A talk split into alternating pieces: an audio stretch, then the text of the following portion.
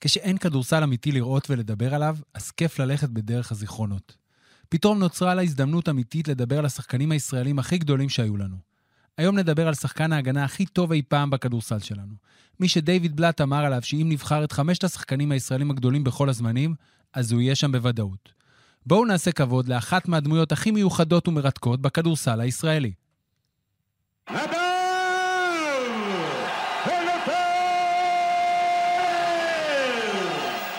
יש לו יכולות שגם לא נמדדות, כמו שאמרתי, ב- בסטטיסטיקה. כי יש הרבה מאוד דברים שישנם שחקנים מהגדולים שהיו בכדורסל הישראלי שלא עשו את מה שהוא עושה. אין הרבה שחקנים ששיחקו כמו נדב בשני הצדדים של המגרש, גם בהגנה וגם בהתקפה. אין שחקנים שראו כמוהו את המגרש. אין שחקנים שהבינו את התרגילים כמוהו. אין שחקנים שמסרו כמוהו, מה הוא צריך משחקן למעשה. They might as well change the name of the team when Nadav leaves. It's gonna go. Speak and Roll, פודקאסט כדורסל ישראלי.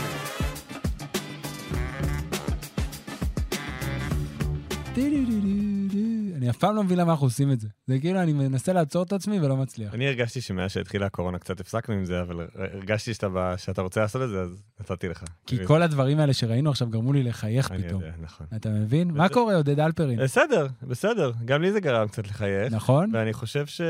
אמרתי את זה לעידו בפודקאסט שעשינו על הדראפט.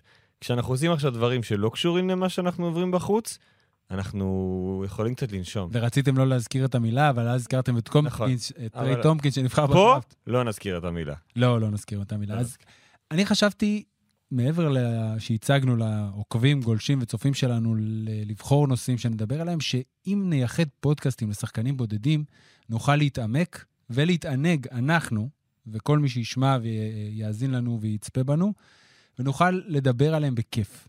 ואז חשבתי על מי, וחשבתי על כל מיני שחקנים, ו... ולפני איזה כמה שנים הצלחתי לגבש לעצמי את חמשת השחקנים האהובים עליי בכל הזמנים בכדורסל הישראלי, יש לי גם ב-NBA, לפי עמדות. לא החמישה שחקנים שאני הכי אוהב, אלא ממש לפי עמדות. אז אמרתי, אני אבחר את אחד מהם.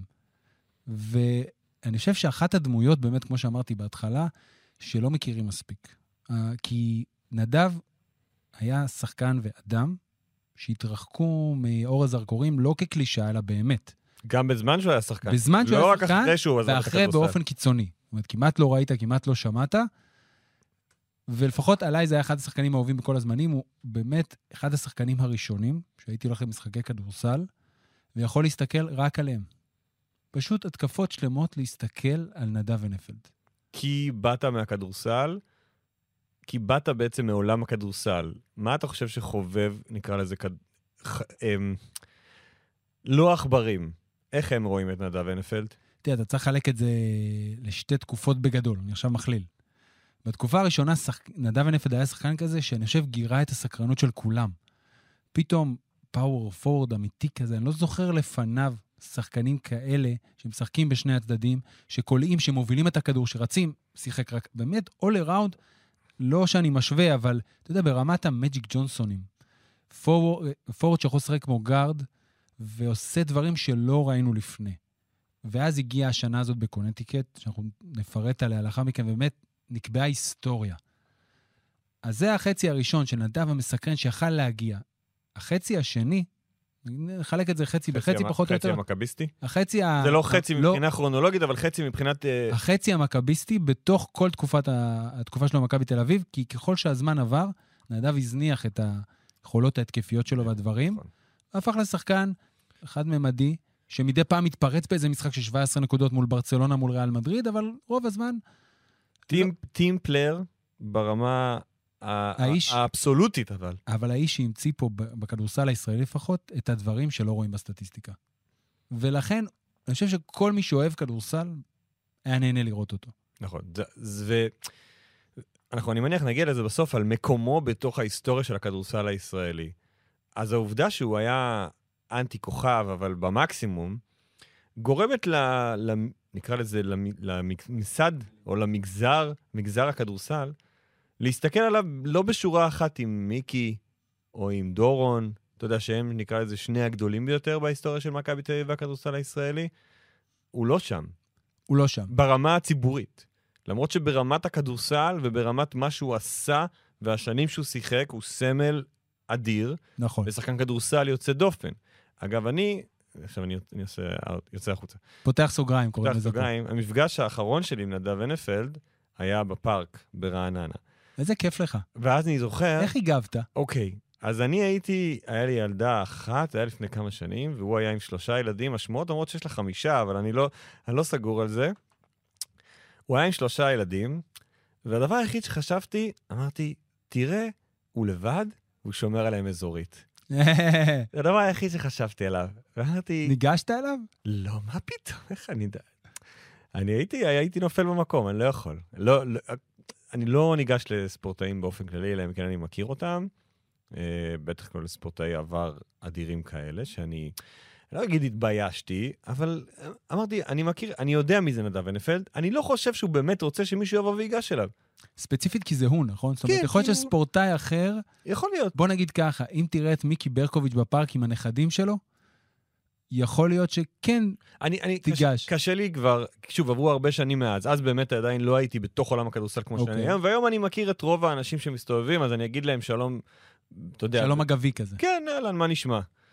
אצלו הייתי ממש, הסתכלתי מרחוק ועמדתי, עמדתי כמה דקות כדי לראות איך הוא מטפל בילדים, ובאמת, זו הייתה הגנה אזורית של איש אחד, ידיים ארוכות, כל הזמן חוס, כל הזמן בודק איפה הם נמצאים, וזה היה, אתה יודע, מבחינתי, זה נדב הנפלד, מה שהוא היה עושה ברמה ההגנתית וברמה, בטח, הגנה של איש אחד, זה משהו שבאמת ככה קראו עליו, דיברו עליו כל הקריירה, שזה מה שהוא היה עושה. נכון. אז אנחנו נלך בפודקאסט הזה כרונולוגית. נדב הנפלד הוא יליד 1968, יוני 68, והקבוצת בוגרים הראשונה שלו, מה שהופתעתי לגלות, זה שהוא שיחק בצעירותו, נערותו, ותכף אנחנו נשמע על זה גם, כדוריד. הוא היה טוב בכדוריד. והיה טוב בכדוריד. מאוד. שזה, אני מודה שלא ידעתי. הפתיע אותי, אולי ידעתי ושכחתי. כן. אה, וזה היה ברמת שרון, הוא נולד ברמת שרון, וקבוצת הבוגרים הראשונה שלו הייתה גליל עליון, שם הוא גם זכה בגביע, ואז עזר לרמת שרון לעלות ליגה. ומי שנחשב, אני חושב, עד היום למאמן הראשון שגילה את נדב, שנתן קרדיט לנדב, זה אריה מליניאק, שאחרי זה אני אוכל תכף לשאול אותו, כי הוא יעלה על הקו בעוד חמש שניות, איך הייתה סגירת המעגל להיות הפרשן של מכבי תל אביב, משחקי מכבי תל אביב בכדורסל, ולראות את נדב בשיא תפארתו. שלום, אריה מליניאק. אהלן, מה שלומכם? בסדר, צהריים טובים, מה שלומך בימים אלו? צהריים כמעט טובים. כמעט טובים זה מספיק טוב. אני בבידוד מרצון, בששון, אה, אני לא מחכה להוראות של משרד הבריאות, הישמרו לנפשותיכם. טוב, אז אנחנו ננסה להנעים את זמנך בבידוד מרצון, ואנחנו מדברים פה, כמו שהבנת, והכנתי אותך על נדב הנפלד. באיזה גיל בעצם פגשת אותו לראשונה, נקרא לזה? תראה, זה... אני לא יודע אם אתם מאמינים שדברים קורים במקרה או יש צירופי מקרים.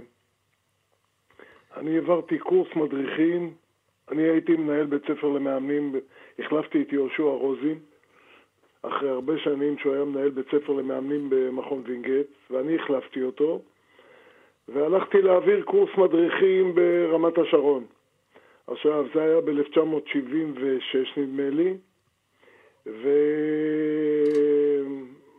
גיליתי מקום שפשוט נראה לי אה, דמיוני.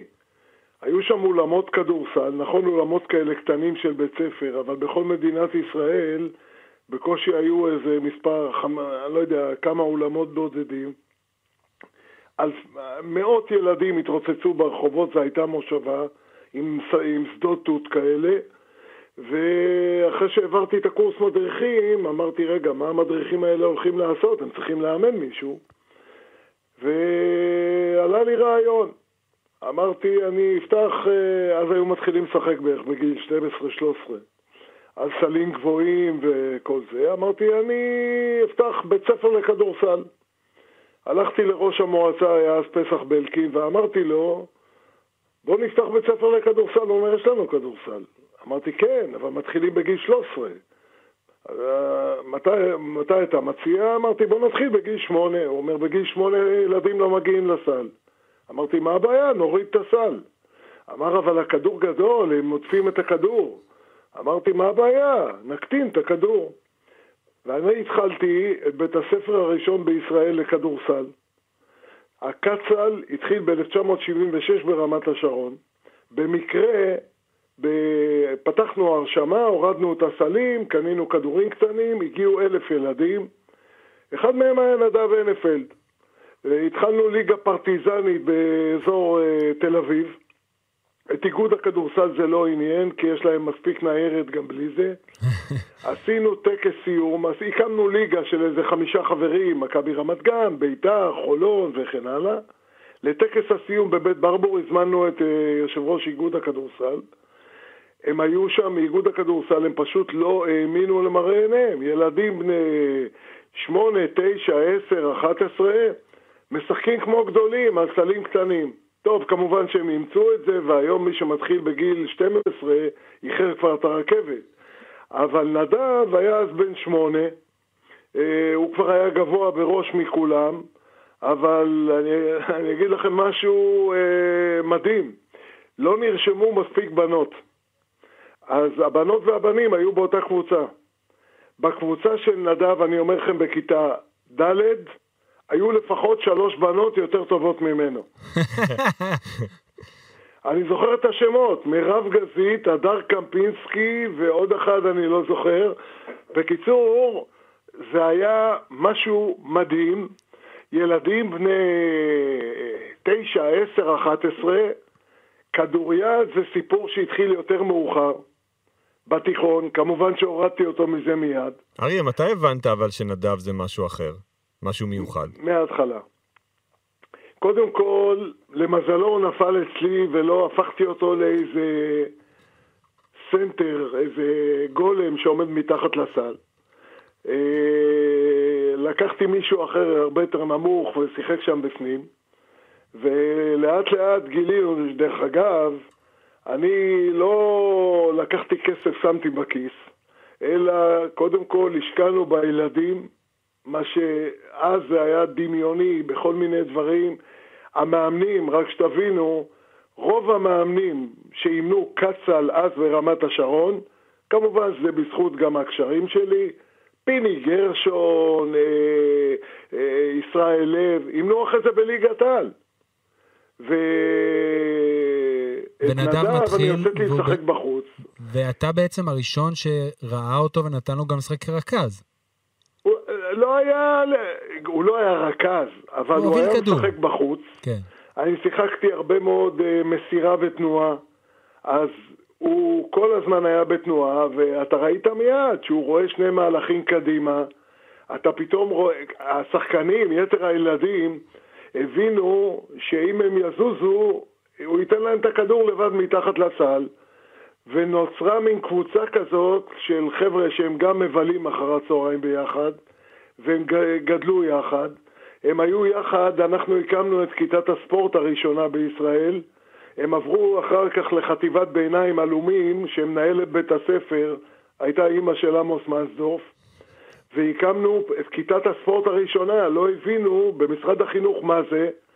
אז הבנות היו להקת ריקוד, כי היו צריכים להקים כיתה.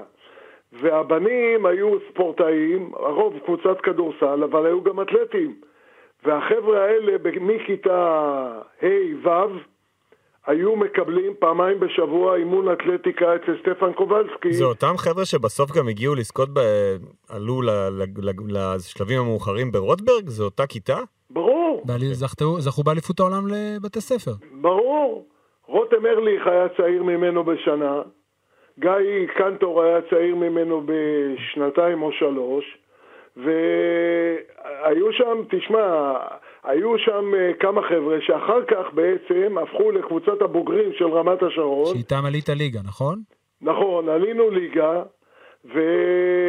אבל אז, אני כבר לא זוכר את השנה המדויקת, אני במקביל, שתבין, אני כשהייתי מאמן נבחרת ישראל, ב-1983, 84, 85, אני כבר לא זוכר בדיוק, אני במקביל הייתי בסופי שבוע מעביר מחנות אימון לנבחרת ישראל, ובמשך השבוע או שאימנתי בחולון, בגליל, ואימנתי קצ"ל. אני המשכתי לאמן קצ"ל כל הזמן. ותשמע, אה, לגבי נדב, אה, ברור לגמרי שהעניין של... אה, הוא היה עם תכונות בלתי רגילות, שבאמת היה קל לגלות, גם בעניין של ההגנה, גם בעניין של המסירה, אבל תמיד הרי מנפנפים בעניין של הכלייה. אה, לכו תבדקו מה אחוזי כליאה שלו היו כשהוא היה בקונטיקט. אני אומר לך אם אתה רוצה. כן, 48.2 אחוזים מהשדה, 37.7 אחוזים לשלוש. יפה. אז, אז בוא נגיד ככה, הקו של השלוש ב- ב- ב- ב- במכללות. בקולג' הוא קצת יותר קרוב משלנו. היה לפחות. נכון. אבל הוא היה זורק וקולע. 37 אחוז, יש היום שחקנים בליגת העל שלא עושים 37 אחוז לשלוש. מבחינתך... לדעתי, כן. לך תבדוק כמה זריקות לשלוש. יש לו בכל הקריירה במכבי תל אביב, אני לא בטוח שהוא עבר עשר. בכל הקריירה. מבחינתך הוא, עד כמה שאפשר לשאול את זה, הייתה לו באמת קריירה אדירה, הוא מיצה את הפוטנציאל שלו? מה פתאום? חכה, עוד לא, אנחנו לא קרובים לשם. הסיפור, אם אתם רוצים, מתחיל, אתם דיברתם על כדוריד. כשנדב היה בכיתה ה', הייתה, היה בעיר הנוער, היה דבר כזה עיר הנוער, בחופש, היה מדינת הילדים. היו עושים אה, משחקים כאלה, סטריטבול כאלה, כן. והיו הולכים כל הכיתה. ראיתי, אנחנו התאמנו 12 חודשים, אין פגרה, אין שום דבר. ואני ראיתי בקיץ, פתאום הוא מתחיל לפספס אימונים. אמרתי לו, מה זה? הוא אומר, תשמע, כל החבר'ה במדינת הילדים. אמרתי לו, תקשיב, אם באימון הקרוב אתה לא מגיע, אתה תישאר במדינת הילדים, לכאן אל תבוא יותר. והוא התלבט קשה, אני אומר לכם, החלטה קשה, מדינת הילדים או כדורסל. בסוף הוא הבין שכנראה העתיד שלו שם, אבל במהלך, אה, כשהוא היה במחלקת הנוער, בעצם אני לא הייתי, אני לא רציתי להתעסק עם כל הפוליטיקה וכל ה... היום אין מאמן שיש לו שחקן כזה שלא מחתים אותו והופך לסוכן שלו. שתבין, אני לא התערבתי, לא היה לי זכות חתימה, אני דאגתי שאני אהיה מנותק לגמרי. האגודת ספורט הייתה של העירייה. אז בשם אוהדי הכדורסל, אני מודה לך שהצלחת לשכנע את נדב הנפלד להמשיך לשחק כדורסל ולא לשחק כדוריד. לא, חכה, היו עוד הרבה, היו עוד הרבה דברים. למשל, תן לי את השיא, כדי שאנחנו נוכל אני גם... אגיד לך, יום אחד הודיעו לי שמועה שמכבי תל אביב אה, לוקחת את נדב. אמרתי, מה זאת אומרת? אף אחד לא מדבר איתי? הלכו מאחוריי. אבא של תמיר גילת היה מחזיק תיק הספורט בעיריית תל אביב. בעיריית, אה, במועצת רמת שרון. הלכו אליו, הביאו לו טיוטה אה, של אה, הסכם. הבן אדם חתם לשנה, ואני רואה, מביאים לי את הדבר הזה, אמרתי לו, תגיד לי, אתה מטורף? נתנו לו דלק לקטנוע, היה לו כבר קטנוע. עכשיו תקשיב, אני רואה את הטיוטה, הפעם הוא היה בסדר, הוא אמר בוא תקרא שהכל בסדר, אני רואה ששמעון מזרחי הוסיף בכתב יד, איפה שכתוב יעבור, ל... לא, יעבור למכבי תל אביב בשנה אחת, הוסיף בכתב יד שתי מילים, בשלב זה. או-אה. טוב, טוב שהיית עם יד את על זה- הדופק, אריה. מה? טוב שהיית עם יד על הדופק. לא, שאתה, אתה לא מבין מה שאני עברתי. עברתי לגליל, הוא עבר לגליל, פתחו מאז את הקולג' המפורסם. הבאתי גם את ניר מטלון שהיה איתו יחד בנבחרת הנוער. תשמע, אני, אבל שיא השיאים, ואיך לדעתי אמרת נדפקה לו. הקריירה? נו, אני נסעתי לראות את נדב בשיא השיאים שהיה לו. ליוויתי אותו כל טורניר הביג איסט, ואחרי זה מרץ' מדנס, בעילית, אה, לקראת העילית 8. כל המשחקים, זה היה פעם, כל weekend היו משחקים, אני חשבתי לחזור, נתקעתי לחודש.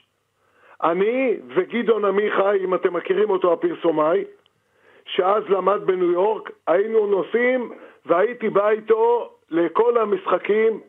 ב Big East, נדמה לי הם לקחו את ה Big East, נכון, עלו ל-NCAA, נכון. והודחו מקריסטיאן לייטנר בשנייה האחרונה ב- ב- ברבע גמר לפני הפיינל פור. נכון מאוד.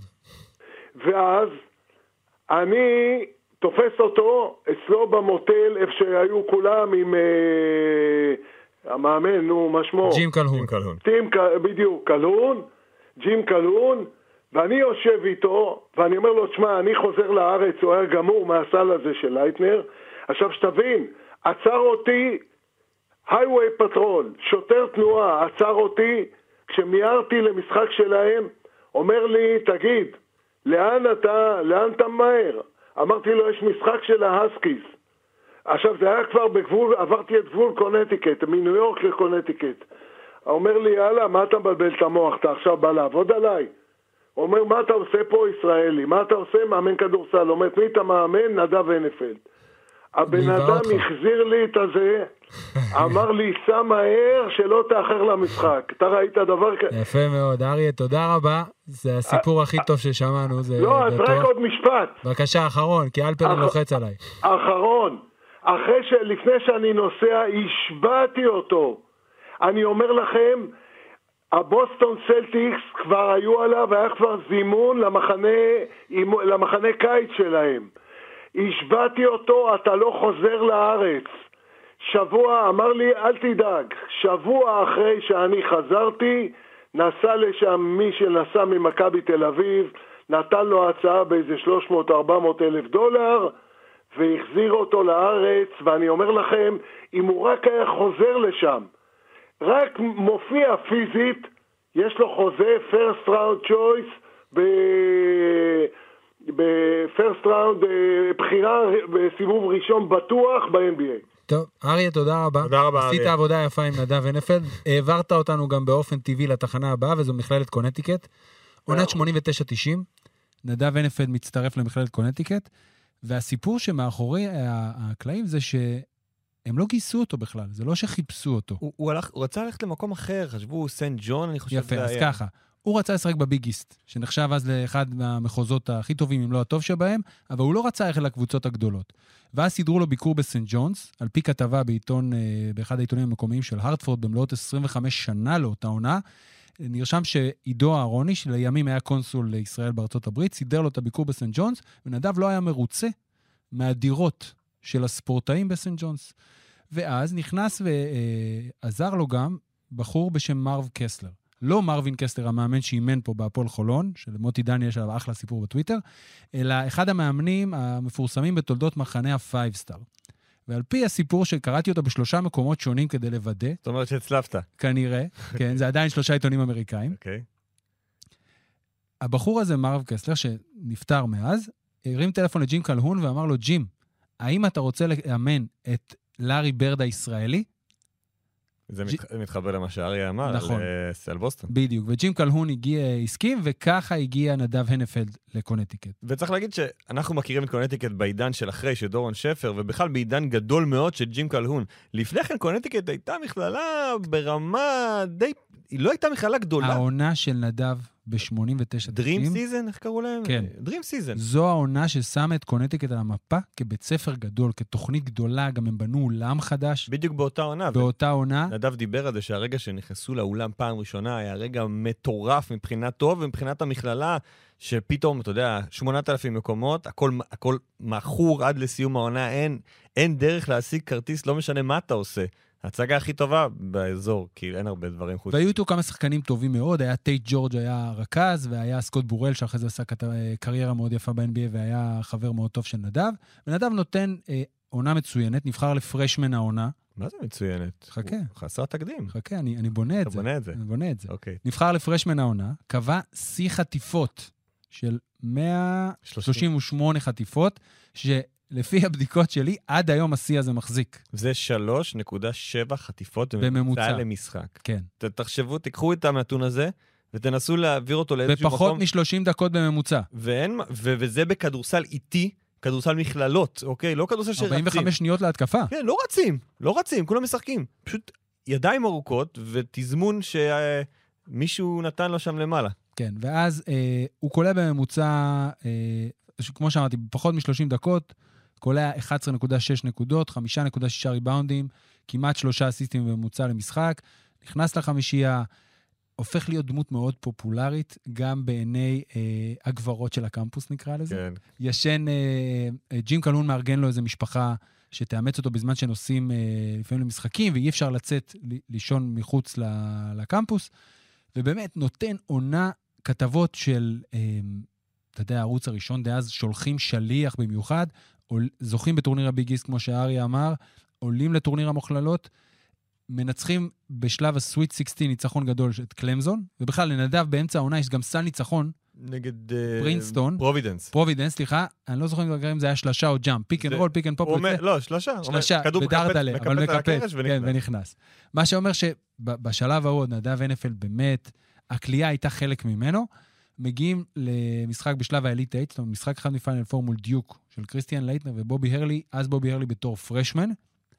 2.6 שניות לסיום, קונטיקט עולה ליתרון, 78-77. תוצאה שאיכשהו בסוף גם קשורה למכבי אוקיי. תל אביב. ו... ואז כדור מתחת לסל של דיוק, מוציאים את הכדור לקריסטיאן לייטנר, שעובר את נדב, אם אני זוכר נכון, ניסיתי להסתכל, אבל לא מצאתי צילום מספיק חד. עובר, כדרור זורק, מנצח, זה לא הסל זה לא המפורסם, זה שוט, זה זה לא עוד שוט. זה עוד, זה הראשון. זה רק משהו שמכניס את קריסטיאן לייטנר, אם מישהו ראה את הסרט הדוקומנטרי על לייטנר, אה, הנבל הכי נכון. גדול בהיסטוריה של המכללות, אז גם ל... I hate קריסטיאן לייטנר, כן, הסרט הזה נקרא. כזה. סרט מעולה. מעולה, מעולה פשוט. פשוט דמות אדירה. אז, אבל, אבל באותה תקופה, אז אמרת, אוקיי, הייתה לו שנה מדהימה. עכשיו, היו שחקנים ישראלים במכללות לפניו, אבל לא שחקן עם כזה אימפקט. עכשיו, נגיד ככה, בהערת אגב, זה טרום ערוץ הספורט.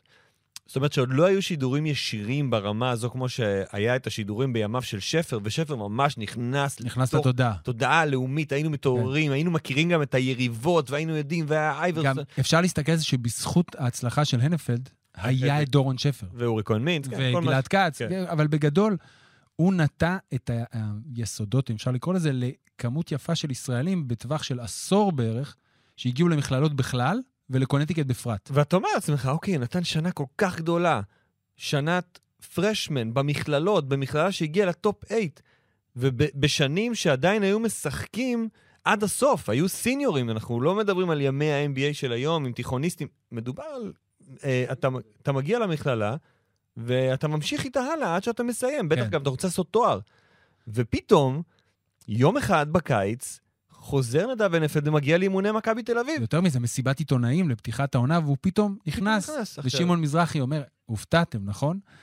וטוב, שמענו טרום סיפור של אריה מלינק ממש לפני כמה דקות, שמסביר את, איך זה קרה, ורק מאוחר יותר, ואנחנו נגיע לזה בהמשך, הוא באמת הגיע לאימוני התרשמות או קדם עונה בבוסטון סלטיקס, אבל קיץ 1990, שני שחקנים צעירים, בתחילת דרכם, בדרך להיות כוכבים בכדורסל הישראלי, מגיעים למכבי תל אביב. האחד נדב הנפלד, השני, גיא גודס. צהריים טובים, גיא גודס. צהריים טובים. הצלחנו להחזיק אותך לפני השנץ? אי אפשר לישון כבר, אני אגיד לכם את האמת, כמה אפשר לישון? מה- קורה אחרי. השנ"צ? זו השאלה, התחלת את איזה השנ"צ, שנ"צ? ונו ו... צריך לישון בלילה. בבית מחדר לחדר, בלילה מסתובבים מצד לצד, כמה אפשר לישון? לא רגילים. שאלתי את גיא אתמול, שביקשתי ממנו להיות בחלק מהפודקאסט שלנו, אם הוא מתגעגע לאמן, ולא הבנתי אם אתה מתגעגע או לא. יגיע לשחק אמרתי לך. נכון, נכון. הייתה תשובה יותר טובה. אז- אז אה, לחזור לשנת מה עדיף? 1990? בוא נשאל אתכם, מה עדיף לשחק או לאמן? לשחק. חד משמעית. תכלס לעבוד בטלוויזיה, אבל כל אחד והכיף שלו. זה, בדיוק, בסדר. כל אחד והמקום שלו. אז אנחנו, אם אנחנו חוזרים ל-1990, שזה הכי קרוב, נקרא לזה, לשחק שיהיה לנו בתקופה הקרובה, אה, ביניכם, כמו שג'ובה אמר, היה איזשהו קליק מיידי, בגלל שהגעתם בסיטואציה די דומה למכבי תל אביב. נכון, הגענו בסיטואציה אה, של, אפשר לקרוא לזה החלפת משמרות או שינויים. בדרך כלל מכבי תל אביב דאז לא היו הרבה שינויים. הסגלים היו מאוד אה, קבועים וממשיכים, אולי פה ושם זר מתחלף, למרות שגם אז היו זרים שהמשיכו הרבה שנים. אה, הישראלים תמיד היו הישראלים. וזה היה, שח- אם אני לא טועה, אחרי שהם אה, היו בגמר. אה, בגמר השלישי מהשלושה. נגד יוגופלסטיקה, נכון. נכון. אז אה, זאת הייתה שנה שהם עשו איזה שינויים קטנים קוסמטיים, ואז אני הגעתי וביחד איתי גם נדב הגיע, אז שנינו חבר'ה צעירים, נדב קצת גדול ממני בכמה שנים, אבל שנינו ביחד, איך שהגענו לקבוצה, מן הסתם התחברנו, היינו סוג של, אה, לא אגיד לך אאוטסיידרים, אבל אה, אנשים חדשים למערכת, אז אה, גם היינו בחדר כל הזמן, במשך כל השנים, גם במכבי תל אביב וגם בנבחרות, אז העברנו המון המון שנים ושעות ודקות ביחד. ובשעות ובדקות האלה, בטח בתחילת הדרך, מה נדב אומר לך על ההחלטה הזו? החלטה לא שגרתית. עכשיו, אנחנו יודעים שהיה פה עניין כלכלי לא מבוטל בהחלטה של נדב להגיע למכבי תל אביב. כן. אבל ברמה הספורטיבית, הרי אם אתה כבר מרגיש או חושב שחלום ה-NBA יכול לדגדג לך, ופתאום אתה חוזר לישראל, זה בטח יוצר בתוכך סוג של, נקרא לזה, לבטים פנימיים כאלה. לא, אתה יודע מה, אני לא יודע להגיד לך, כי אף פעם לא שאלתי אותו לנושא הזה. אה, מה, אתה רוצה להגיד לי שהוא לא מאלה שמדברים כל הלילה ויושבים עד לא חמש מדברים, בבוקר לא, עם... לא, אה, אני לא יודע אם אתה מכיר את נדב, אבל נדב לא אה. זה נאמר. בציניות מוחלטת, גיא. אה, אוקיי, אז נדב לא מדברנים הגדולים, ואני, כמו שאמרתי, הוא מבוגר ממני, אם אני לא טועה, בשלוש שלוש שנים.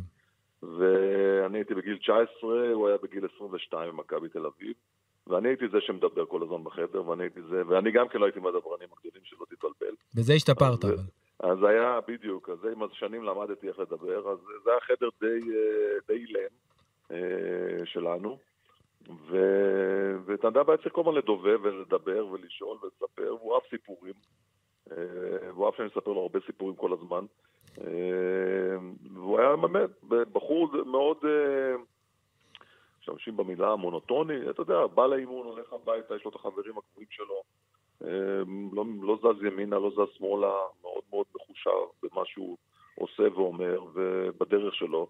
ואני חושב שבדרך שלו עשה את, ה, את הדברים הכי יפים שיש. ואם נעלה על הפרקט, אתה יודע, אחת, הדבר, אחת הצורות שמתארים את נדב, אריה מלינק אמר את זה קודם, רואה שני מהלכים קדימה. אתה היית הרכז, אתה מחזיק את הכדור, כן. איך זה לשחק עם מישהו כזה? קודם כל זה היה מדהים, שזה החיבור לא רק אה, מחוץ למגרש, כמו שדיברנו מקודם, גם על המגרש היה, אפשר להגיד, חיבור אה, די, די על. זאת אומרת, אה, תמיד כשהייתי עם הכדור היה בא ועושה את החסימה והיה לנו בין שתיים מצוין, ובהגנה היינו מחפים אחד על השני והוא היה עוזר בהגנה כמו שצריך. אני חושב שהיום יותר שמים לב לשחקנים מהסוג של נדב, למרות שאני זוכר בזמנו עוד עופר שלח שזה היה פרשן, והוא כל הזמן דיבר על הדברים שלא רואים בסטטיסטיקה. ואנשים בבית, אנחנו מדברים כמה, 20 שנה אחורה, אם לא יותר. 30 כמעט. לא, יותר, אבל אנשים לא הבינו מה, ש- שאומרים על מה שלא רואים בסטטיסטיקה. כי רוב האנשים הנורמטיביים הפשוטים מסתכלים, אוקיי, עשה משחק, כמה הוא לקח, כמה ריבון הוא עשה וכמה הוא קלע. והיום הכדורסל, שהוא הרבה יותר אנליטי, ואתה רואה שחקנים שמדברים היום על ה-50-50, ועל הוא נוגע בכדור, והוא חוטף כדורים, ואלה השחקנים היום הכי... כמה הוא היה במדד. פלוס מינוס היום?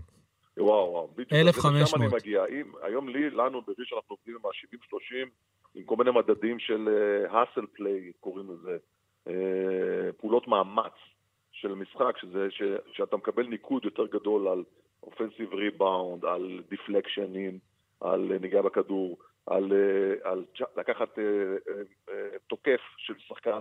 הוא היה היום מגיע לדעתי, בוא נגיד, אם נדבר על VPM, ה-value per, per minute, בוא נגיד שהיום הרבה זה בין 1.8 ל-2 ומשהו, לדעתי הוא מגיע ל-5. הוא היה פשוט עושה כל כך הרבה דברים במגרש. היה צריך לשטח עבורו את העקומה, כמו שאומרים. מה זה עקומה? הוא היה מוביל את כל הקטגוריות שיש.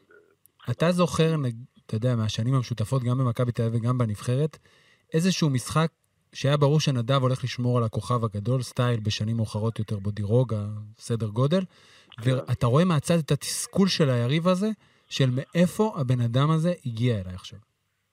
כן, כי אחד, ה... אחד הדברים הגדולים של נדב זה שקודם כל הוא היה גדול. הוא שתי מטר משהו, יש לו ידיים מאוד ארבעה מאוד מטר רוחב. ארוכות, והוא לא היה זז, זאת אומרת, היית בא ועושה לו הטיות, הוא פשוט היה נעמד במקום, והוא לא היה זז, הוא פשוט היה עומד לך בדרך. ועם הידיים היו קוראים לו תמיד המשוטים. המשוטים שלו תמיד היו מגיעות, מגיעים לכדור וחוטפים את הכדורים, אז היה קשה מאוד לשחק נגדו. היחידי, שזה סיפור לפנתיאון, אה, היחידי שאני וקורונה מישה אה, מהעתודה נסענו בגיל 19, זה היה בגרמניה, אם אני לא טועה, אליפות אה, של נבחרות, אז נבחרת ישראל שיחקה נגד נבחרת קרואטיה, והיה דראז'ן פטרוביץ' בדיוק בשנה שהוא אחרי זה מת בתאונת דרכים. ונדב שמר על דראז'ן.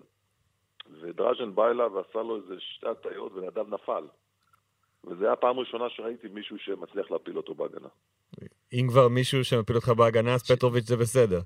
אז אמרתי לך, רק פטרוביץ' הגדול. רק פטרוביץ'. להוציא אותו משיווי משקל ולהפיל אותו, כי אחר כך אני לא ראיתי. שום שחקן שהצליח פשוט לעבור אותו, הוא היה פשוט הורג, הורג אנשים. עכשיו, דיברת על ההגנה שלו, בוא נדבר רגע על שחקן, על נדב בהתקפה. אנחנו יודעים שהוא הגיע מקונטיקט בתור שחקן אחד, ובמכבי תל אביב התגבש נדב אחר. האם בעיניך לעונת 92-3, העונה שבה אתה נפצעת והעבירו את נדב בעצם להוביל את הכדור בצוק, בצוק העיתים, האם הייתה לשנה הזו השפעה לגבי נדב בהמשך הקריירה שלו במכבי תל אביב? לא, אני, אני לא בטוח, אני לא חושב. אני חושב שזאת הייתה סיטואציה באמת מיוחדת, אה, כי אז גם היה את קורן נמישה, שחקן שהגיע חדש לקבוצה, וברגע שאני נפצעתי, אז הכל נפל על קורן באיזשהו שלב. אה, ניסו לתת לו, וראו שהוא היה לו קשה מנטלית אה, לקחת את הקבוצה לכתפיים, ואז מן הסתם הזיזו את נדב אה, לעמדה. שהוא לא מכיר אותה, והוא לא שיחק בה אף פעם. ו... עמדה קצת שונה אה, בתור רכז להביא כדור ולהוביל ולשחק את התרגיל הנכון ואת הדברים הנכונים אה, וזה הוציא ממנו את הדברים הפחות טובים שהוא היה צריך לעשות.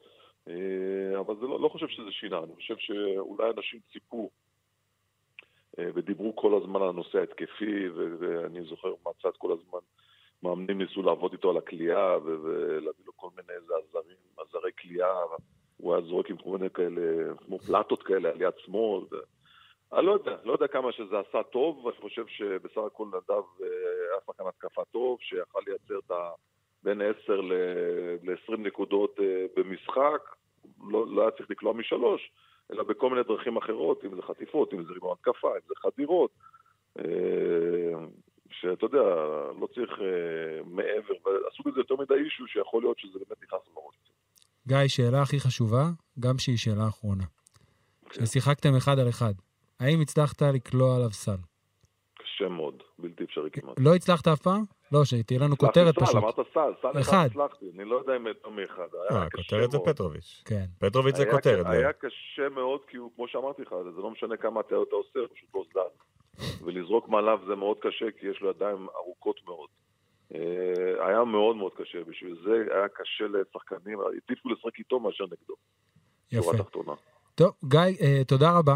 היה לנו כיף, נתת לנו כבר כותרת. יכול להיות שהמאזין הבא שמצטרף אלינו, שהוא מגדיר אותך כבחור נאה, יוכל לספק לנו לא פחות סיפורים. אהלן גור שלף. אהלן, חברים. מה קורה, חבר'ה? טוב מאוד. אתה, אתה רוצה להיפרד מגיא יפה לפני ש... עם איזה סיפור נחמד, או שאנחנו יכולים אה, להיפרד כידידים? גור, גור קיבל כמה, כמה אסיסטים לדנקים. ולא מן גיא. אני, אני שולח מפה לגיא חיבוק ונשיקה וירטואלית.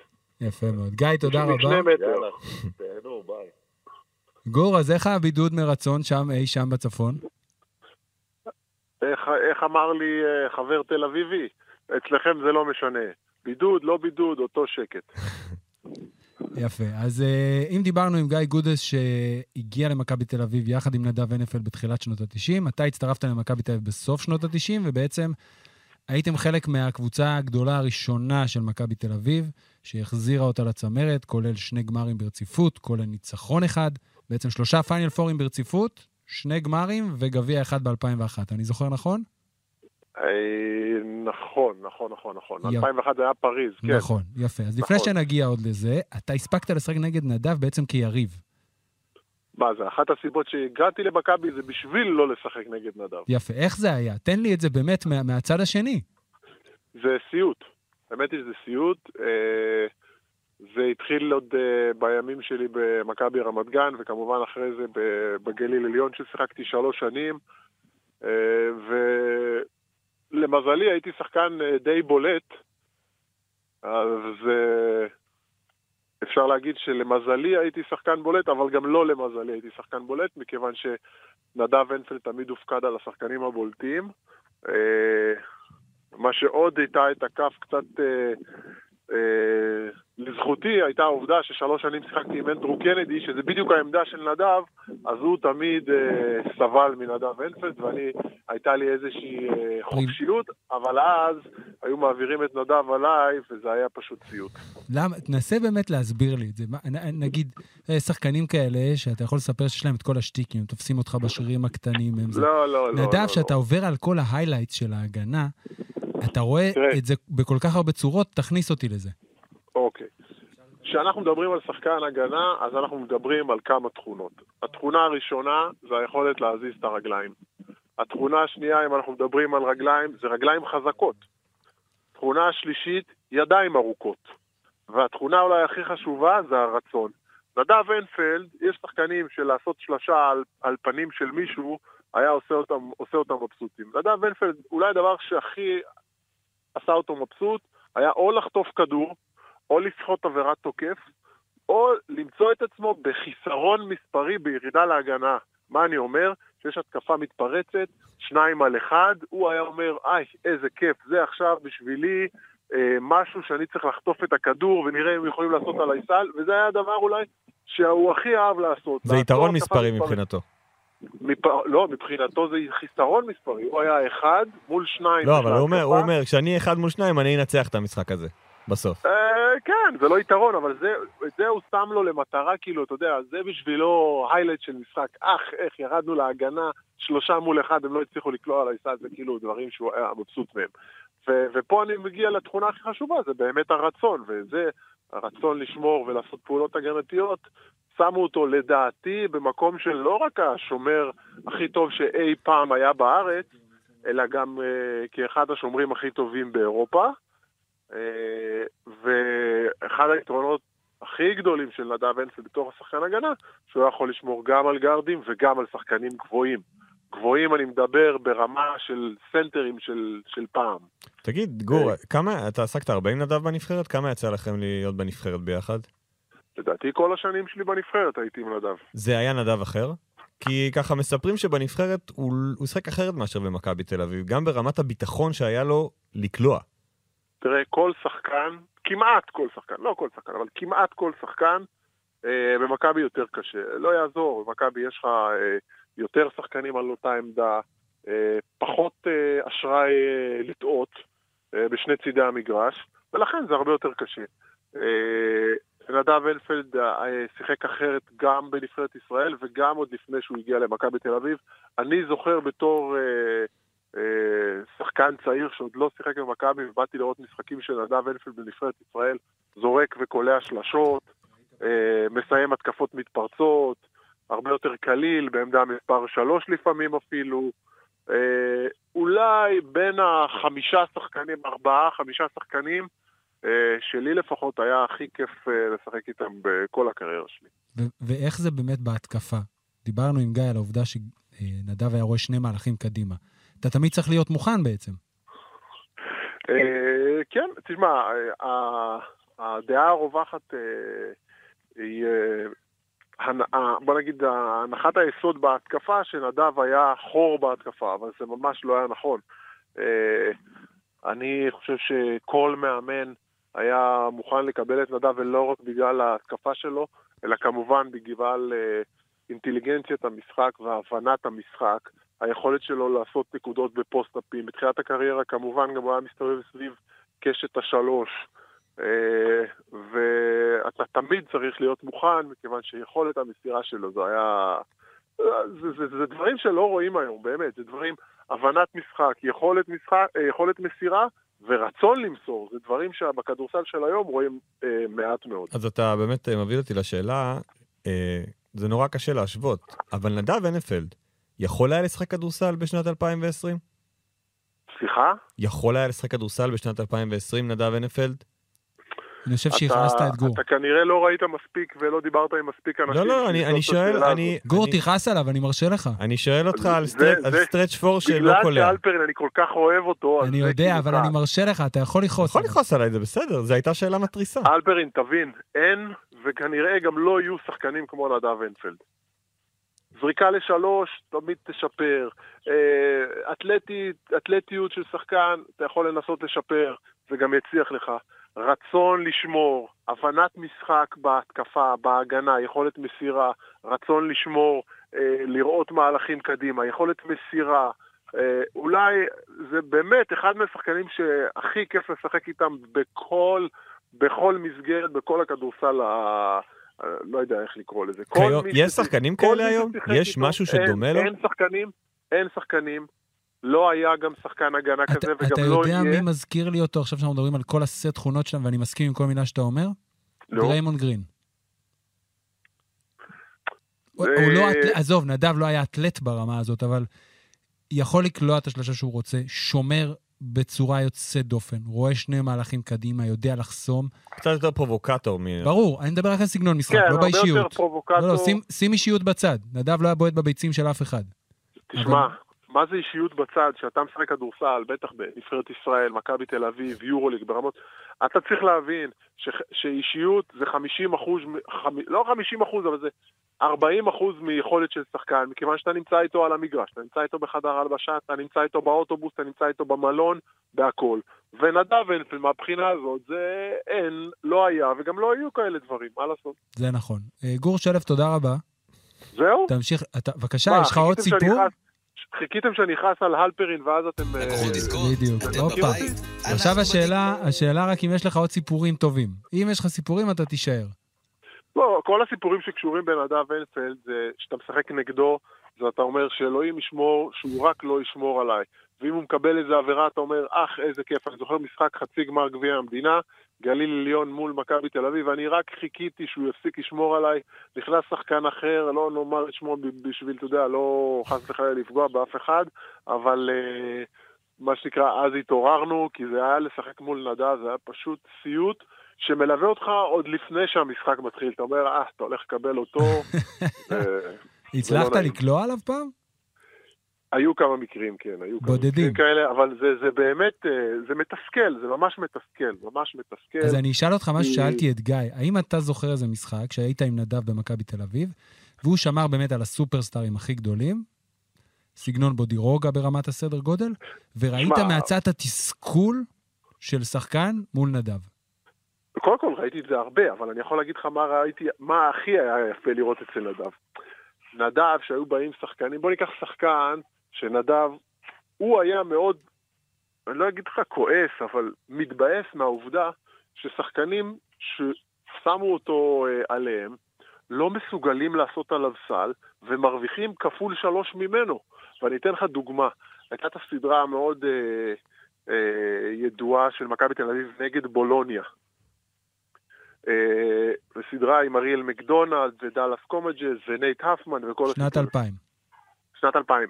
2000 או 2001? 99-2000. 99, קומג'י 2000, זה נכון. 99-2000. נכון, נכון, נכון. ואז הוא אמר, אוי, תקשיב, הפוצ'קה הזה, הוא לא יכול היה לראות אותו, הוא אמר, זה כזה גמלוני כזה, הוא לא מסוגל לעשות את זה, וזה הטריף לו את הדעת, והפוצ'קה הזה היה פשוט מסכן מול נדב הנפלד, פשוט מסכן. ומי שרוצה, מי שבאמת אוהב כדורסל וזה מעניין אותו, ילך לסדרה הזאת ויראה מה נדב אנפלד עשה לכל השחקנים שם. אני חושב שזה בדיוק השבוע 20 שנה לסדרה הזאת. אם אני... אני כבר כל, אתה כל פעם מתקיל אותי, זה 20 שנה, זה 15, כל יום יש איזו חגיגה אחרת. נכון. אני מעדיף להסתכל או על ההווה או על העתיד, פחות על ההווה. אני אגיד שמשחק שלוש בארץ, אחרי שחזרו באחת-אחת, אני לא יודע איך אח שלי השיג כרטיסים, אני לא יודע, אבל אני הייתי ביציע, ולא הרגשתי מעולם אווירה כזו במשחק כדורסל, כמו משחק מספר 3 נגד פאף פולוניה. לא הרגשתי. אבל משחק מספר 3, מה שהיה גדול במשחק מספר 3, זה כל האירועים שקדמו למשחק. זה האוהלים ליד הקופות, זה בלילה אנשים עשו שם על האש אני- לקראת פתיחת הקופות בבוקר. אז אני אומר, אני לא והעובדה- יודע, אני לא מבין איך היה כרטיסים. אני לא יודע איך, אני הייתי שם עם אחי, לא יודע, לא הייתי צעיר, אמר לי, יש כרטיסים, אתה בא? אמרתי לו, תודה זה רבה, משהו, קח אותי. אגב, זה, שאם אם אנחנו מדברים על נדב, על שחקנים ש, שלדעתי לא היו וגם לא יהיו, אז גם הדבר הזה, תבין, אנשים ב, לקראת משחק מספר 3, הקימו אוהלים ועשו על האש ב, ב, ליד הקופות ביד אליהו, זה היה מטורף, אנחנו באנו בתור שחקנים אה, בלילה שלפני, לפני פתיחת הקופות, וכאילו עשינו שם סיבוב, יפה. זה היה משוגע. אתה תמיד אה, אה, לא אוהב ל- לעלות ולספר סיפורים, אבל אתה די טוב בזה, אני מוכרח להגיד. שמע סיפור. שמע סיפור, ואנחנו... תשמע, מה הסיבות? אתה, אתה שם לי פה, מרים לי פה להנחתה את נדב הנפלד, זה, זה, זה לא... אני יודע למה לבחור לא- אותך. נדב הנפלד, ההגנה שלו הייתה גם כשהיית הולך איתו לג'ירף, הוא היה רוצה לשמור על הפרופיטרול בסוף, הוא היה שם את הידיים ולא נותן לאף אחד לגעת. יפה. גור, בנימה אופטימית זאת, תשמור על עצמך, לילה טוב, חבר'ה. דש בבית. לילה טוב, גור. לילה טוב, חבר'ה. ביי, חמודים. הולכים לישון בשעות. האלה. יפה. עכשיו הגענו בעצם אה, לגולת הכותרת. אז ב-2002, נדב הנפלד מחליט שהוא עוזב את אה, מכבי תל אביב. זה לא היה חלק.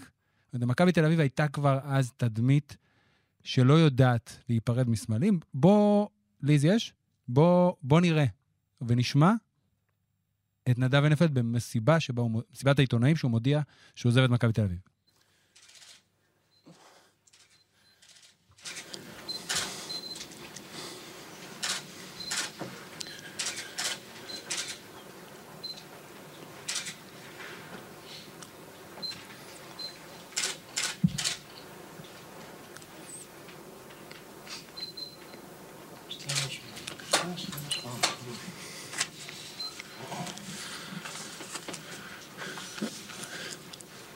ושוב, מעל, מעל כולם באמת, אה, לאוהדים שחלקם נמצאים פה, ו...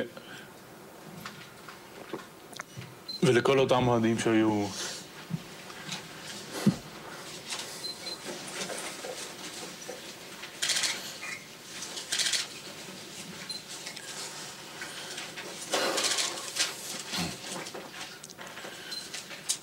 ולכל אותם אוהדים באמת שליוו אותי במשך כל השנים.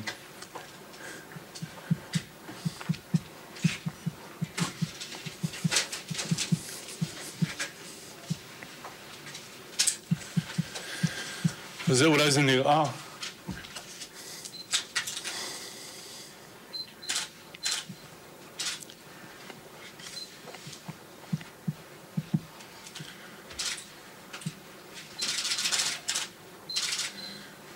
לא תמיד זה נראה שאני רואה, אבל אני רואה הכל ומרגיש הכל. אז תודה. למי ששמע את זה ולא ראה את זה, ההפוגות זה לא היה כשל טכני, זה פשוט נדב הנפלד נחנק מדמעות ולא מצליח לדבר. יפה. עכשיו, לא משהו שגרתי. הכי לא שגרתי, הכי לא נדב הנפלד, הרי כולם אומרים, הוא היה סוג של, אה, ברמה האישית, היה סוג של רובוט. הוא לא היה יוצא איתנו, והוא לא היה מבלה איתנו, והיינו ככה, והוא היה נשאר במלון, והכל היה עובר לידו, וכל פעם, לא ראינו, ופתאום, במסיבת העיתונים הזו, הכל מתפרץ החוצה. אולי בגלל שהוא לא רצה באמת לפרוש. ישנם שלושה אירועים בקריירה של נדב הנפלד, שאתה יכול לדלות ולהגיד שבאירועים ציבוריים ראינו אותו מחצין רגשות. אחד, זה אותו הפסד לקריסטיאן לייטנר בשלב ה Elite Eight ב-90, שבאמת היה כואב ודרמטי. השני, זה חיוך אמיתי מאוזן לאוזן שהוא מניף את הגביע ב-2001, שחזר גם בטקס בתל אביב וגם במשחק וגם בכל אירוע שלא תרצה, סליחה, וזה האירוע השלישי. וזה אירוע ש, שחקוק, אני חושב, מאוד בתודעה הציבורית כאחד מהאירועים שמסמלים את העובדה שמכבי תל אביב לא ידעה להיפרד אף פעם כמו שצריך מהסמלים שלה. דרך אגב, זה השתפר בשנים האחרונות, בעשור האחרון, נאמר את זה ככה, אבל המסיבת העיתונאים הזאת, אנחנו עכשיו שמענו כמעט שתי דקות כמה... של, של, רגע, של חוסר מילים, אם אפשר להגיד את זה ככה. אוקיי. יש עוד, זה בערך עוד דקה וחצי, שהוא מתחיל משפט עוצר, מתחיל משפט עוצר. ובאמת, הוא לא הודיע פה על פרישה. הוא הודיע שהוא עוזב את מכבי תל אביב. ואחרי זה... היו איזה שמועות על הפועל ירושלים, ככה בקטנה. ואז הבינו, הוא הבין ש... הוא, הוא, הוא הבין כבר אז כנראה. נכון, הוא, לא היה רוצה- שלוש, הוא היה בן 34. לא רוצה עכשיו, לשחק. נכון, הכלכלית הסיפור היה זה שאם אתה זוכר, נייט האפמן, אחרי שזכו ב-2001, כן, עזב ל-NBA, למנף את הקריירה, היה בטורונטו, לא הסתדר שם, חזר, ואז הביאו אקסטרה כסף בשביל להחתים אותו. ונדב הרגיש שהאקסטרה כסף הזה בא על חשבונו. זה מקרה מאוד דומה, ככה על קצה המזלג, אצל דיוויד בלו, או בלוטנטל, כבר לא זוכר אם הוא סיים בלו או בלוטנטל. אצלם קיבלו. כן. וגם זה היה אצלו תמיד, הוא הרגיש כשחקן לא מוערך, ורק בשנה אותה, אחרי הפוגה, שהוא פרש וחזר, הוא בעצם קיבל תגמול, נקרא לזה, על כל השנים האלה שהוא היה underpaid. ונדב הנפל פרש בצורה דרמטית וכואבת, כי אני חושב שפיזית הוא היה בסדר, הוא יכול להמשיך עוד איזה שנתיים, בטח בצורה שנדב הנפל שיחק. וזה נקטע. ואני חושב שעד היום, זה אחד האירועים היותר דרמטיים שאפשר לזכור של שחקן שעוזב מועדון. שבעצם הקריירה שלו נגמרת מבלי שהוא יכריז שהיא הסתיימה. והתחלת להגיד שכמה סמלים כבר היו מאז.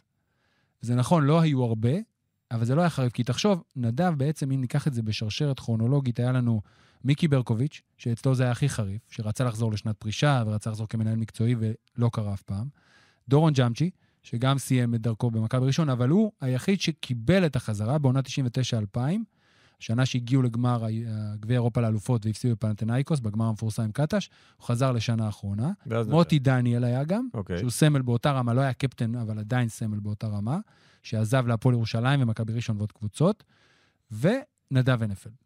המעט סמלים שהיו אחרי, אתה יודע, זה התגלגל בגדול, קח לנו לדוגמה את גור שדיברנו איתו, אז הוא פרש מכדורסל, היה אה, בבלגיה, היה בשנה הפסקה, ואז החליף את מוני פנן במכבי תל אביב. זאת אומרת, סיים, אחרי זה הוא סיים לא טוב כמנהל, אבל כשחקן עדיין נפרדו ממנו באופן...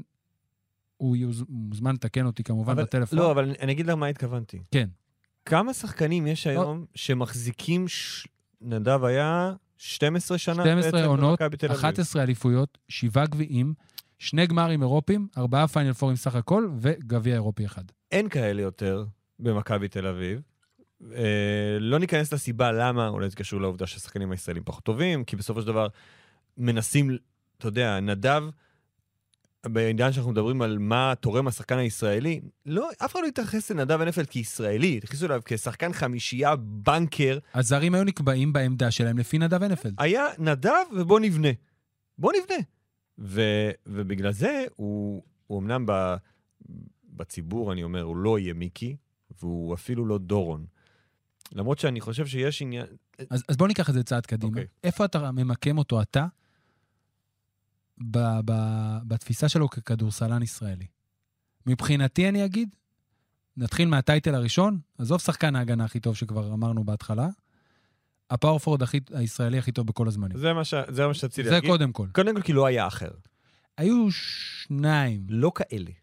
כן, אבל... מה, אתה- מי אתה? תראה, אתה יכול להגיד? שעומרי כספי ליאור? וליאור, אוקיי. אוקיי? לא מתקרבים אליו שניהם בעיניי. עם כל הכבוד לקריירה המטורפת שעומרי כספי עשה ב-NBA. בגלל שהוא לא עשה את זה, ש- זה מאוד קשה, אז אני, אני מודה שאני גם, אמרתי, הוא אחד השחקנים האהובים עליי בכל הזמנים, נדב הנפלד, ויש הבדל שאתה גם גדל בתור נער ורואה שחקנים, אבל עומרי כספי גם התחיל את הקריירה שלו בתור small forward. ורק בשנים האחרונות עשה את ההסבה הזאת שהרבה כמוהו עושים. גם נדב התחיל התחיל כשמאל אבל פורוד, אבל... תהילתו הייתה כפאוור נכון. פורוד.